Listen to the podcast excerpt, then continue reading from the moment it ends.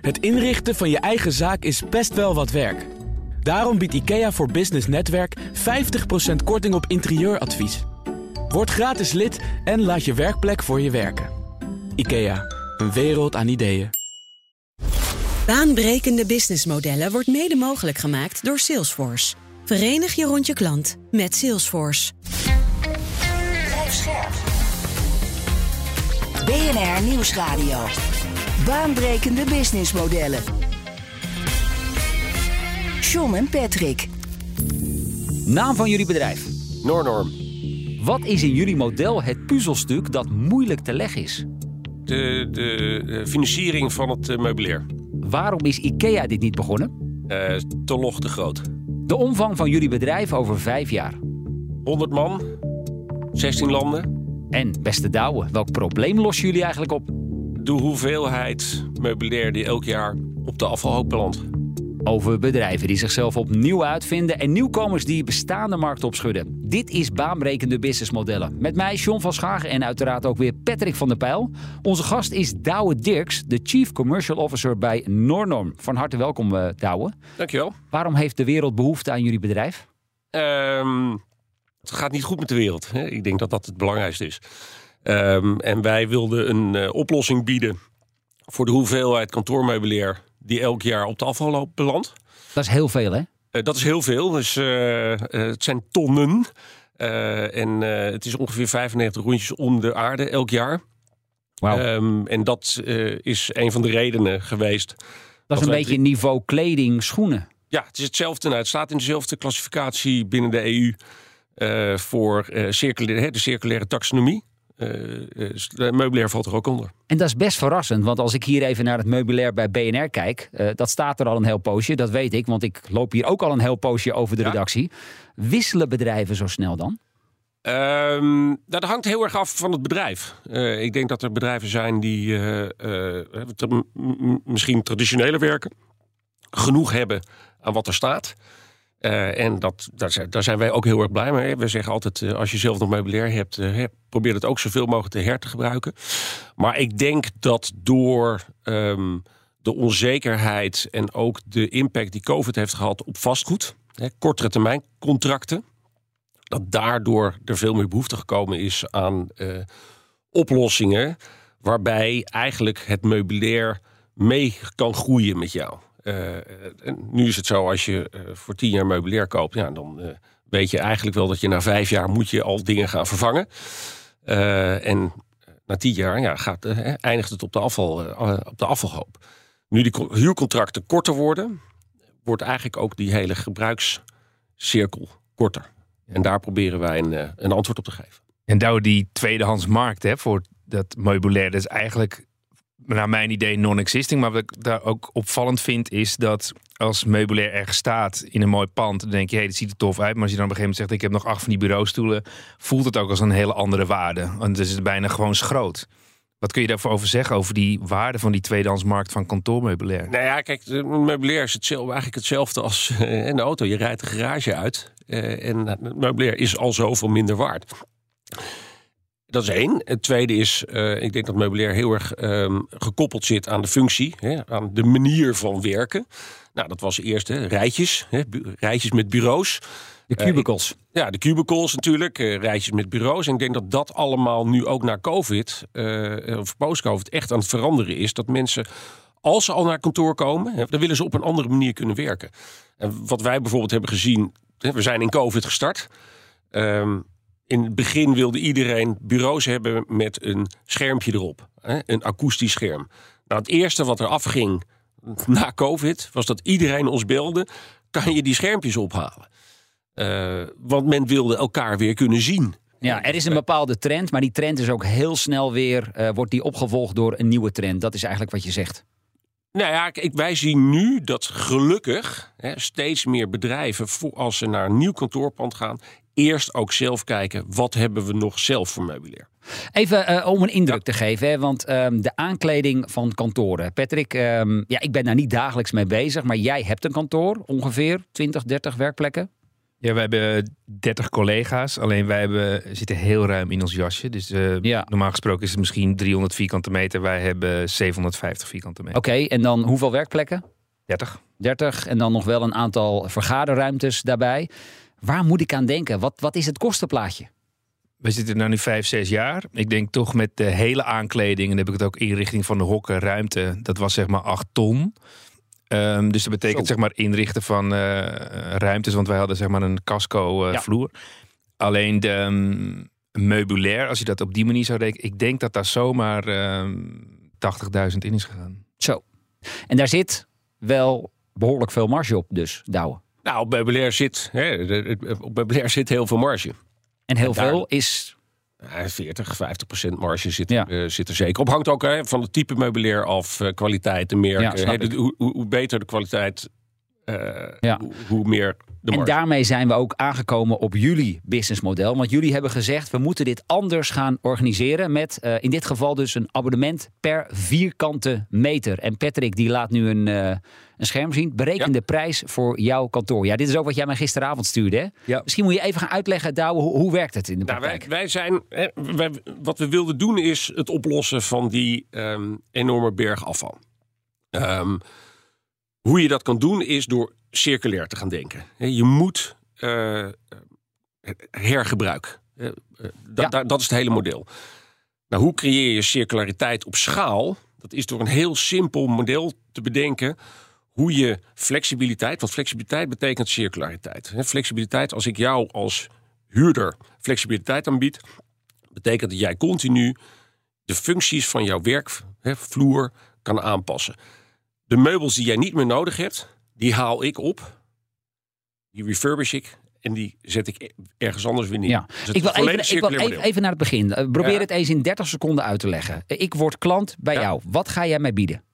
Ik bied jou een maandelijks abonnement per netto vierkante meter per, eh, voor je kantoormeubilair. Punt. En dat werkt. Ik ga naar jouw site en ik neem aan, ik heb daar de keuze. Nou, dat weet ik inmiddels, want Patrick, wij zijn gisteravond al een beetje Ja, bezig, ja. bezig kijken. Het heel- Het ziet er wel heel flashy uit, moet ik zeggen. Ja, dat klopt. Want uiteindelijk, wat, wat het mooie daarvan is, en normaal gesproken, eh, in, in mijn kantoor heb je eerst een architect, die gaat al die dingen in zitten tekenen. Ben je dus ook allemaal kwijt. Ehm, en daarna moet je zeg maar de hoofdprijs betalen voor die meubels. Ehm, als ik naar de Noordom website ga, dan geef ik aan hoeveel medewerkers ik heb. Dan geeft hij aan wat je ongeveer een vierkante meters nodig hebt. En dan staat daar een prijs. Dus voor die 30 collega's, voor 300 vierkante meter, staat nu hier 900 euro per maand. Maar het mooie is dan, als je dan op die knop drukt, dan zeg je, dan wil ik aan de slag. Dan komt er daarna ehm, een beeld zeg maar, van wat voor type eh, meubels je eh, dan nodig hebt. Dan kan je ook nog de kleuren kiezen, de, de, de stijl. Maar er komt gewoon echt een tekening uit, alsof een architect die getekend heeft. En Ja. gewoon in een nanoseconde. Ja, waanzinnig. Ja, want je liet mij dat gisteravond inderdaad zien. Hè? Even voor de luisteraars. Wij appen dan eh, vaak eh, op de bank. Hè? Vrouwen naast ons. En dan eh, uitzending morgen. Hoe gaan we dit doen? Je liet mij die tekeningen zien. Ja, waanzinnig. Hoe krijgen jullie dat zo snel voor elkaar, eh, Douwe? Nou, daar hebben we een partner voor, softwarepartner, eh, die geïntegreerd zit in onze eh, gehele digitale customer journey, zoals dat zo mooi heet. Want daar hebben jullie naar gekeken. Ik ben heel blij dat het dus goed werkt. En het is heel simpel. Ehm, briefing, dus wat heb je nodig? Hè? Dus op zoveel FTE. Ehm, dit is mijn plattegrond. Dat gaat onze machine in. Die machine die rekent één ding uit. De netto meters, dat is de basis van het abonnement. Dus 300 meter maal 3 euro, 900 euro per maand. Dan gaat het naar onze architecten, die zitten allemaal in Kopenhagen. Die zetten ons meubilair erin op basis van jouw briefing. En dan krijg je binnen 24 uur, dat is, de tijdspan is 24 uur, krijg jij dus als aanvrager of als klant, krijg je een volledige digitale offerte. Een 3D-model van je kantoor, inclusief al het meubilair. 2D, de prijs. En wat we dus nu ook meteen uitrekenen, is je volledige carbon footprint. En je besparing op CO2. En dan vervolgens komen jullie dat, als ik akkoord geef, ehm Binnen zes tot acht weken staat het er. Ja. Stel nu dat ik toch niet helemaal tevreden ben. Dat ik, dat ik toch nog hier en daar wat wil wisselen. Ik bedoel, die wissel, eh, is dat gratis? Of... De eerste wissel is gratis. Het heet onze design guarantee. Eh, daarmee houden we ook snelheid. Hè, want we weten dat je maakt altijd wel een fout. Eh, ook als je dus drie maanden die arch- dat architectenproces doorgegaan bent, dan kan je nog steeds en je gaat meubels kopen, kan het nog steeds zijn als die meubels komen, ah, het werkt toch niet. Eh, wij hebben drie maanden design guarantee. In die periode kan je alles aanpassen. Daarna is al het meubilair gratis. betaal je alleen voor transport. Wat ik interessant vind bij Swapfiets, dus natuurlijk ook een abonnement en het gaat over één enkele fiets. Dit had ook Swapstoel kunnen heten, maar dan is de scope natuurlijk minder groot. Zij gaven ook aan dat zij alleen maar kunnen wisselen op het moment dat jij denkt, nu is die fiets van mij stuk. En dat vond ik wel interessant, omdat je dan eigenlijk een kleine een, een, een, niche hebt. Um, en wat ik zag bij Everphone. Everphone is ook een abonnement, maar dan voor uh, devices. En die zeggen bijvoorbeeld tegen jou: als jij zoveel devices hebt, nemen wij die gewoon over. En toen dacht ik, hé, hey, die gaan de, nemen jullie dan ook meubels over? Hoe kijken jullie naar dat hele kleine moment dat je in beeld bent om uh, die meubels uh, aan te kunnen bieden? Nee, dat, er zijn eigenlijk twee redenen. Eén is volume. Wij kunnen helaas nog niet genoeg gebruikt meubilair inkopen hè, tegen de volumes die we nu wegzetten. Want we zitten inmiddels in twaalf landen. Dus wij kopen nog steeds heel veel nieuw. Uh, en hè, onze eigen circulaire pool van meubels. Daarnaast, om ook snelheid te maken, maar ook dus met een aantal klanten hun te helpen met het wegzetten van die meubels, kopen wij nu meubels rechtstreeks van onze partners. En dat eigenlijk dezelfde dag flippen we dat naar een abonnement. Inclusief de flexibiliteit. En wij zorgen er ook voor dat het dus circulair weggezet wordt. En ook de hele recycling en end-of-life managen wij.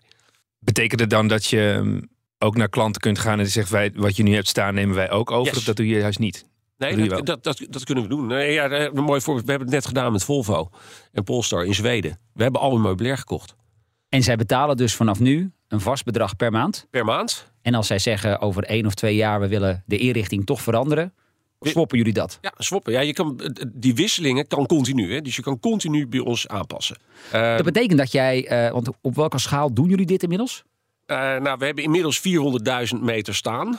Wauw. Uh, Hoe houd je overzicht? Hoe weet je in vredesnaam waar al je meubels staan? Nou, dat is dus die, hè, dat, die digital journey waar we het net over hadden. Wij hebben van elk, elke ruimte, van elk kantoor hebben we een digital twin. 3D-model waar al ons meubilair in staat. Dus op die manier hebben we ook een, een asset management tool. Waar staan onze meubels? En dat swappen, gebeurt dat met enige regelmaat? Ja, dat uh, gebeurt uh, steeds, steeds meer. Ja. Uh, dus ik denk inmiddels al rond de 15 procent dat partijen gebruik maken. Dus 15 procent van de partijen van, dat? Van onze hele pool. Ja. Die dus continu eigenlijk wisselt. En continu is één keer per jaar? Één... Nee, dat is. Hè, dus er zijn best wel wat partijen die dat één keer per, inmiddels één keer per kwartaal al doen. En, en dat heeft gewoon te maken met groei van bedrijven. Ja. En we werken met en, heel veel snel. En jij rekent voor hen dan alleen de transportkosten? Alleen transport. Het is één op één. Wij zitten er ook niet meer tussen. Dus wij, nee. wij zetten gewoon transparant de, de factuur door van de transporteur.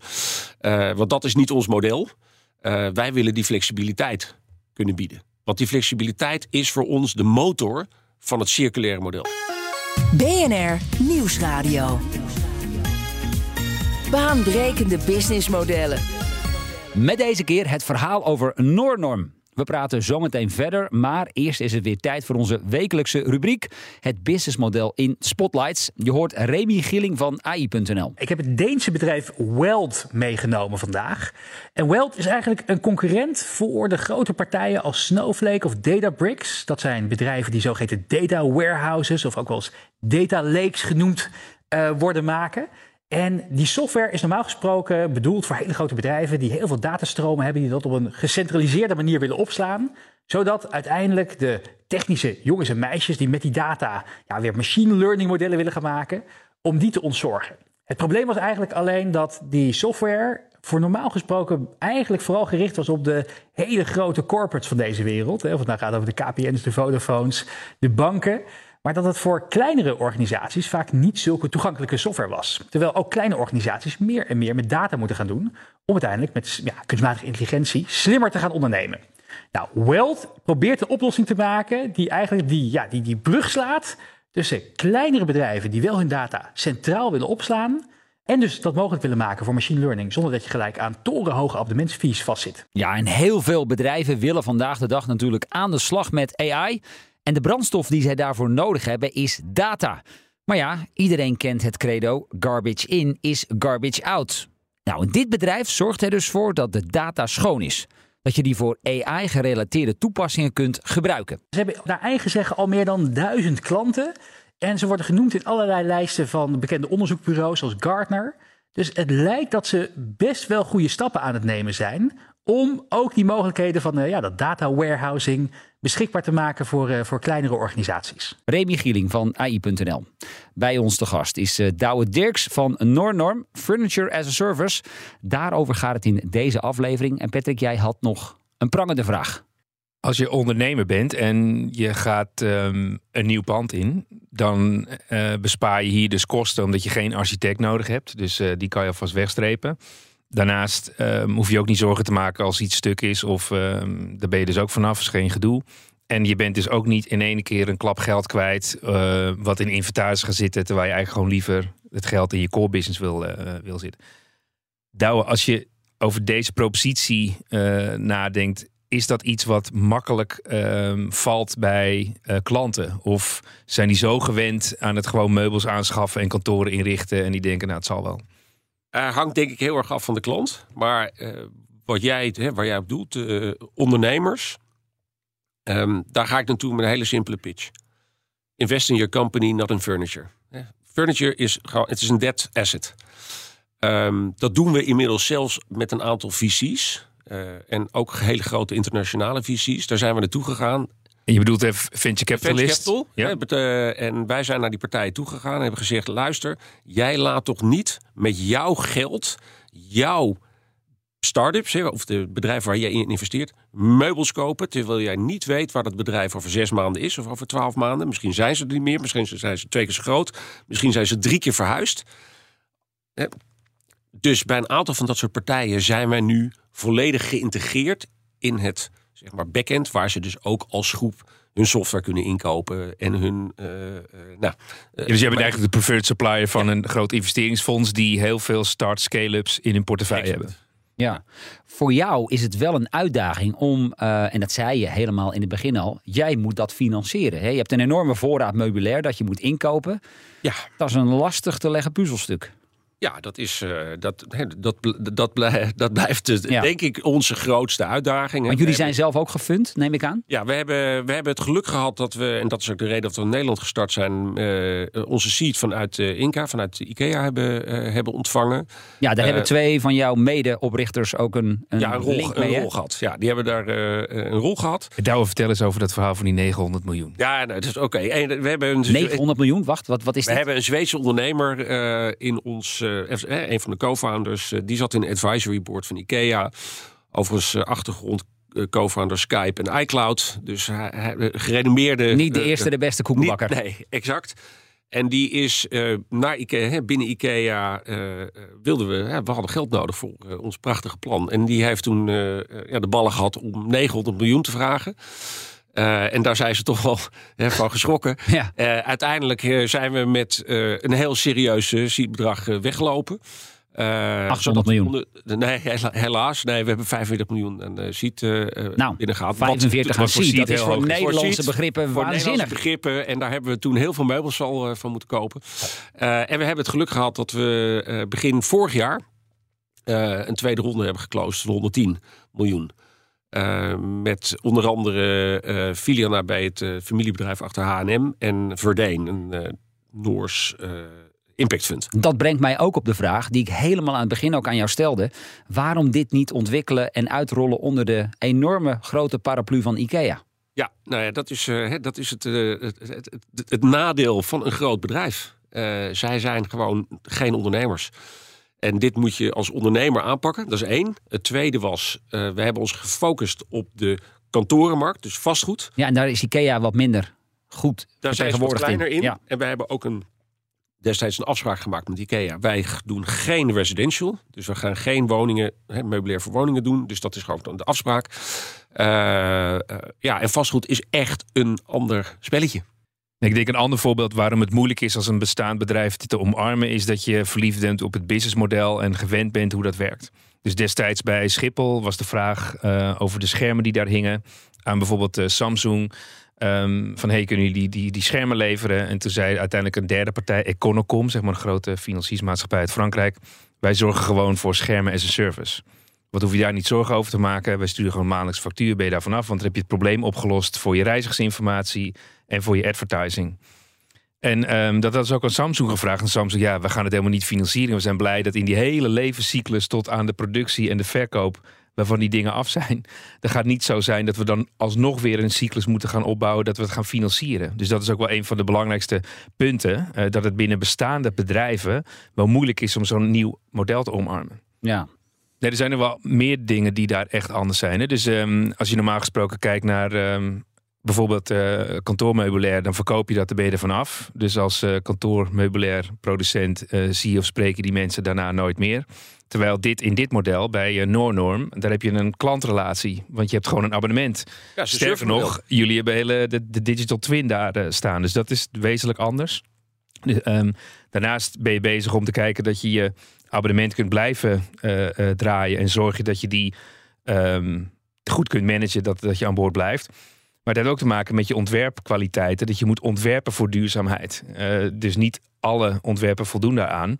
En je hebt dus uiteindelijk een partner nodig die jou gaat helpen financieren van je hele eh, voorraadapparaat. Dat ontwerpen voor duurzaamheid, Ja. zien we dat ook bij jullie terug? Ja, dat doen we inmiddels. Dus wij hebben een aantal eh, white label producten. Eh, die we, eh, we hebben één bank. Die hebben we samen met Hey ontwikkeld. eh, een Deense fabrikant, onderdeel van Herman Miller. geproduceerd in een IKEA-fabriek. Want wij wilden het meest, het laagste carbon footprint kantoorbankje hebben wat er is. En die hebben we nu. Eh, dus dat is ons eh, eerste white label product. Daarnaast is alles eigenlijk waar we naar kijken, ehm, draait om modulariteit. Dus we hebben nu nieuwe, eh, net geïntroduceerd, nieuwe serie van tafels voor vergader, vergaderkamers. En die maken gebruik van onze gerecyclede tops van de bureaus. Dus eigenlijk wordt over alles nagedacht. Het moet modulair zijn, hergebruik, maar ook dus in de systemen die we nu gebruiken. Het moet allemaal op elkaar aansluiten. Is het voor een eh, gemiddelde klant ook een voordeel dat dat meubilair niet op hun balans staat en dat dus ook die carbon footprint niet meetelt? Ik denk even aan de CSRD-richtlijnen die nu zijn gaan gelden. Ja, dat, nou, het is natuurlijk een beetje een eh sigaar uit eigen doos. eh, als je het van de balans afhaalt, wat wij dus eigenlijk doen. Hè, of we nemen het over, of eh, ze, gaan helemaal geen meubels meer eh, kopen. Ze nemen alles as a service af. Eh, ja, je hebt die hele impact niet meer op je eigen balans. Dus dat is, eh, dat is één. Alleen, dat vinden wij eigenlijk greenwashing. Eh, dus vandaar dat wij hebben gezegd... nee, wij willen gewoon continu transparant die impact kunnen rapporteren. En dat is de reden ook eigenlijk dat, dat de, die, digital twin waar je het net over had... die is dus nu gekoppeld met de volledige carbon impact... van niet alleen het meubilair, maar ook de productieproces en de supply chain. En dat is iets wat wij gewoon continu eh, eh, ja, eigenlijk willen verder ontwikkelen. Ehm, en Nederland loopt er enorm op voorop. Want vorige week is het nieuwe circulaire eh, rapport van de EU uitgekomen. En Nederland staat veruit bovenaan. Eh, dus we doen het in Nederland heel erg goed. Eh, ehm, en ja, en we proberen daar eigenlijk eh, in mee te kunnen groeien. En wat bedoel je met greenwashing? Bedoel je dan dat als je dat normaal gesproken op je balans hebt staan, dan is het ook zichtbaar en tastbaar? Terwijl als je als een abonnementconstructie hebt, is het minder zichtbaar. Nog wel even een uitdaging voor jou. Ehm, als ik naar dit businessmodel kijk, dan zie ik ook voorraadbeheer. Ik zie locaties, ik zie schoonmaakkosten. Dat lijkt me ook best heel ingewikkeld. Waar, Ja. waar, waar staan die spullen en, en hoe komen ze doorgaans terug Nou, die sp- spullen staan op eh, vijf verschillende locaties inmiddels. Eh, in Europa? binnen Europa. We hebben enorm geluk gehad dat we natuurlijk... en in eerste instantie hadden we de seed investment van IKEA. Maar we hebben ook een aantal hele goede mensen van IKEA... eh, zijn naar ons overgestapt. Eh, de voormalige head of global head of supply chain eh, is naar ons toegekomen. Dus we hebben ontzettend veel ervaring als het gaat om supply chain, warehousing, eh, het uitrollen van zo'n apparaat met fysieke producten. Want dat is het nog steeds. Vijf locaties, grote warehouses, circular hubs noemen we ze. Want daar komt natuurlijk ons meubilair gaat eruit. Maar het komt ook terug. Ja, oh, één daarvan in Amsterdam, hè? Eén in Amsterdam, één in Stockholm, één in Kopenhagen, één in Berlijn, één in Cambridge. Cambridge doet dan Londen en eh, Midlands eh, voor op dit moment. Ehm, daar zullen additionele hubs bij gaan komen. Dus er komt er eentje nu bij bij Manchester. We zullen waarschijnlijk eentje rond Milaan eh, gaan plaatsen. Maar ik denk dan, dan komt zo'n meubelstuk of diverse meubelstukken die komen terug. Ja, misschien dat er ontbreekt nog wel eens een voetje. Er zit nog wel eens een kras hier en daar. Eh, vies, eh, bedoel... Dus alles, alles wordt gerefurbished. Maar we willen natuurlijk ook, waar we circulair willen zijn op schaal, moeten we ook refurbishen op schaal. Nou, dat betekent dus dat ik niet met één stoel hè, kapotte stoel eh, ga refurbishen. Nee, ik wacht tot ik er 20 heb. En van die 20 stoelen ga ik kijken, oké, hoeveel stoelen kan ik inwisselen? Hè, bijvoorbeeld drie gebruik ik als onderdelen. En met die drie kan ik er weer 17 goede stoelen maken. Nou, dan zijn en die 17 goede stoelen die gaan meteen eigenlijk zijn alweer gepland om ergens geplaatst te worden. Dus dat is de manier waarop we echt kijken naar hoe kunnen we zo min mogelijk outflow hebben. Hè, wat echt gerecycled moet worden. En zoveel mogelijk eh upcyclen of hè, producten en onderdelen hergebruiken. Zodat dat continu eh, eigenlijk de, ja, dat abonnement blijft voeden.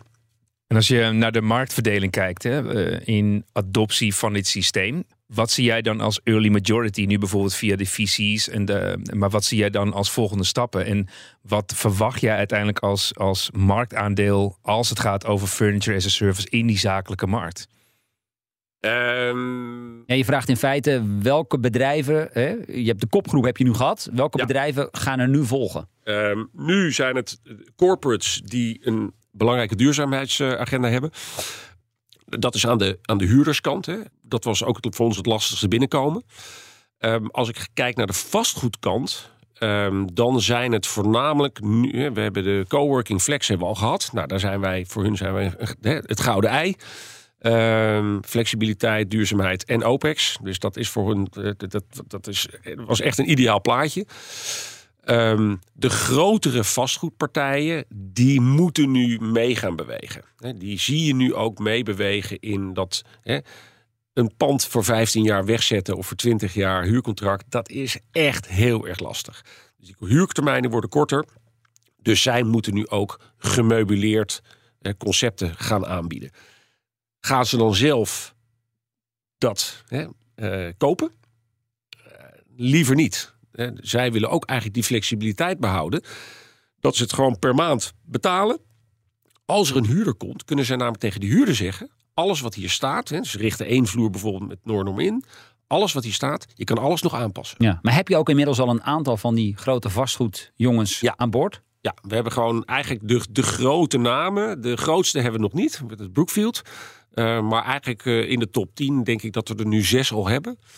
Eh, En met hebben, eh, is dat ze klant. één of meerdere projecten? ja, één of meerdere afnemen. projecten in één of meerdere landen. En Ja. verwacht je dan uiteindelijk op termijn dat het ehm, net zo normaal is als een leaseauto's die je hebt, eh, waar je op en af kan ehm, voor elke gemiddelde andere ondernemer eh, met zijn meubilair? Ja, dat hoop ik wel. Kijk, uiteindelijk wat hè, die, dat, Jonas, onze, hè, een van onze co-founders, die heeft altijd gezegd: ik wil het eh, grootste meubelbedrijf worden ter wereld, wat eigenlijk geen productiecapaciteit heeft. Dus waar wij natuurlijk ook met meubelfabrikanten over praten, en dan praten over Steelcase, Vitra, Herman Miller, is kunnen wij met jullie een ander model?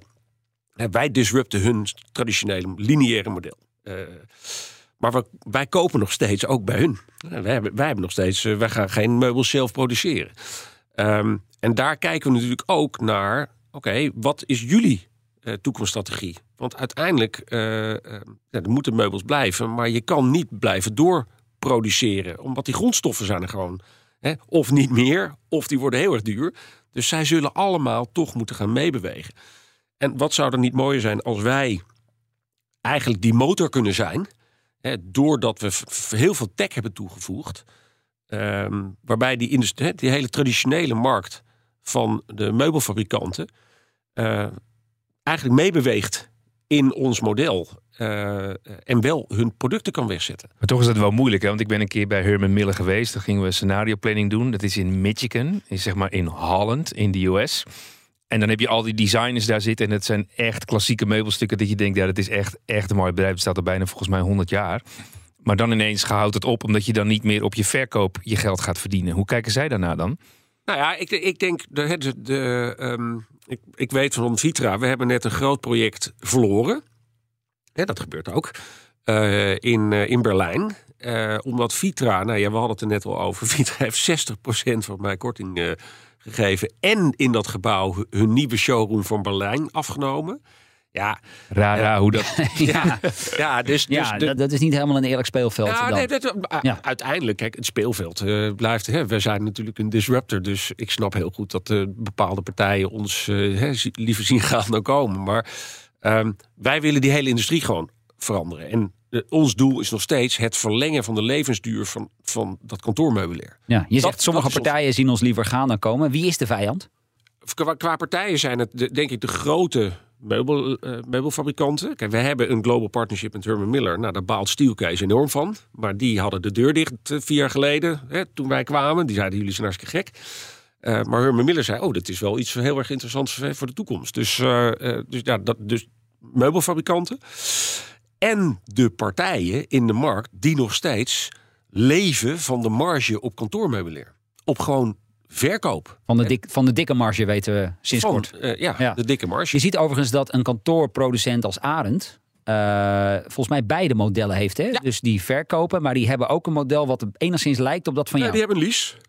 Eh, die hebben volgens mij het eh, Furniture as a Service model van. dat heeft de Eugène, de voormalige CEO, destijds geïntroduceerd. Is voor mijn lease van vijf jaar. Ehm, maar met minder flexibiliteit. Dus dat is één. Eh, je hebt natuurlijk de kost, eh, de kosten van capital, de, de financiële kosten van een lease. Ehm, het is wel volgens mij bij hun eh, geactiveerd op de balans.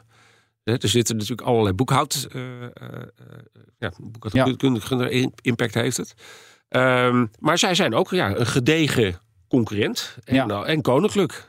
Zeker. Nou, zover moeten jullie nog eh, zien te komen Exact. natuurlijk. Vooralsnog een scale-up mogen we je inmiddels noemen. Ja. Start-up, scale-up wel, Ja, hè? ja, Ja, ja. scale-up. Patrick, we zitten hier te luisteren, inmiddels een eh, ruim een half uur... naar een echt circulair businessmodel, hè? Daar Ja. hebben we er meer van gehad in onze uitzending. Maar eh, praat ons nog even bij. Wat zijn daar de belangrijkste componenten van?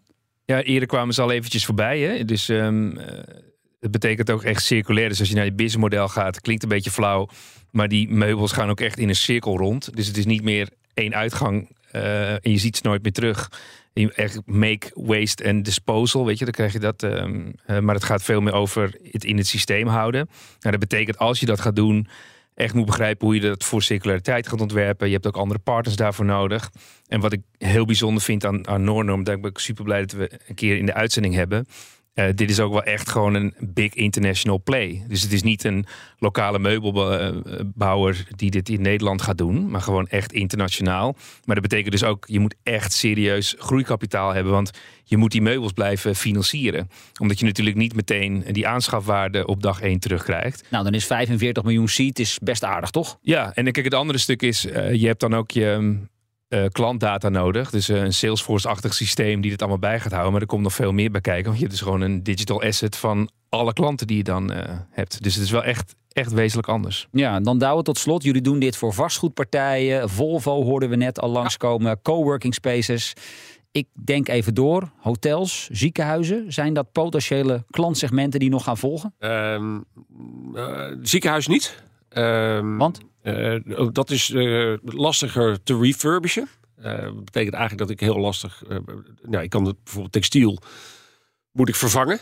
Ik kan geen eens meer eigenlijk heel lastig schoonmaken. Omdat die standaarden heel hoog Standaarden zijn heel hoog. en je weet, ja, hetzelfde restaurants doen we ook niet. Hotels doen we misschien conferentieruimtes, vergaderzalen. Dat soort ruimtes. Dat kunnen we wel. Dat meubilair hebben we ook. Eh, maar daar houdt het dan ook echt bij op. Onze focus is commercieel vastgoed. En dan heb ik nog een laatste vraag. Ik denk toch dat heel veel luisteraars denken... dit is een, eh, een bedrijf gestart in eh, Zweden. Hoe komt Douwe dan ineens op deze plek terecht? En wat maakt dat hij daar eh, die kennis en kunde eh, aan, aan tafel kan brengen? Nou, het, eh, het- het- he- heel kort. ehm, IKEA is, is natuurlijk een Nederlands bedrijf. Zit gewoon gevestigd in Nederland. Eh, Leiden tegenover het station. Ehm, IKEA, toen ze ons zoveel seat gaven, zeiden ook... nou gaan we het ook in Nederland starten. Ehm, ik werkte al voor een eh, Zweedse eh, partij, vastgoedpartij... die een partnership met, had met eh, OVG, met Edge, met Koen. Ehm, ik heb vastgoed achtergrond en ondernemer. Had een klik met Jonas de Zweed. Die was mijn gast in ons gebouw destijds van Edge, Edge Olympic.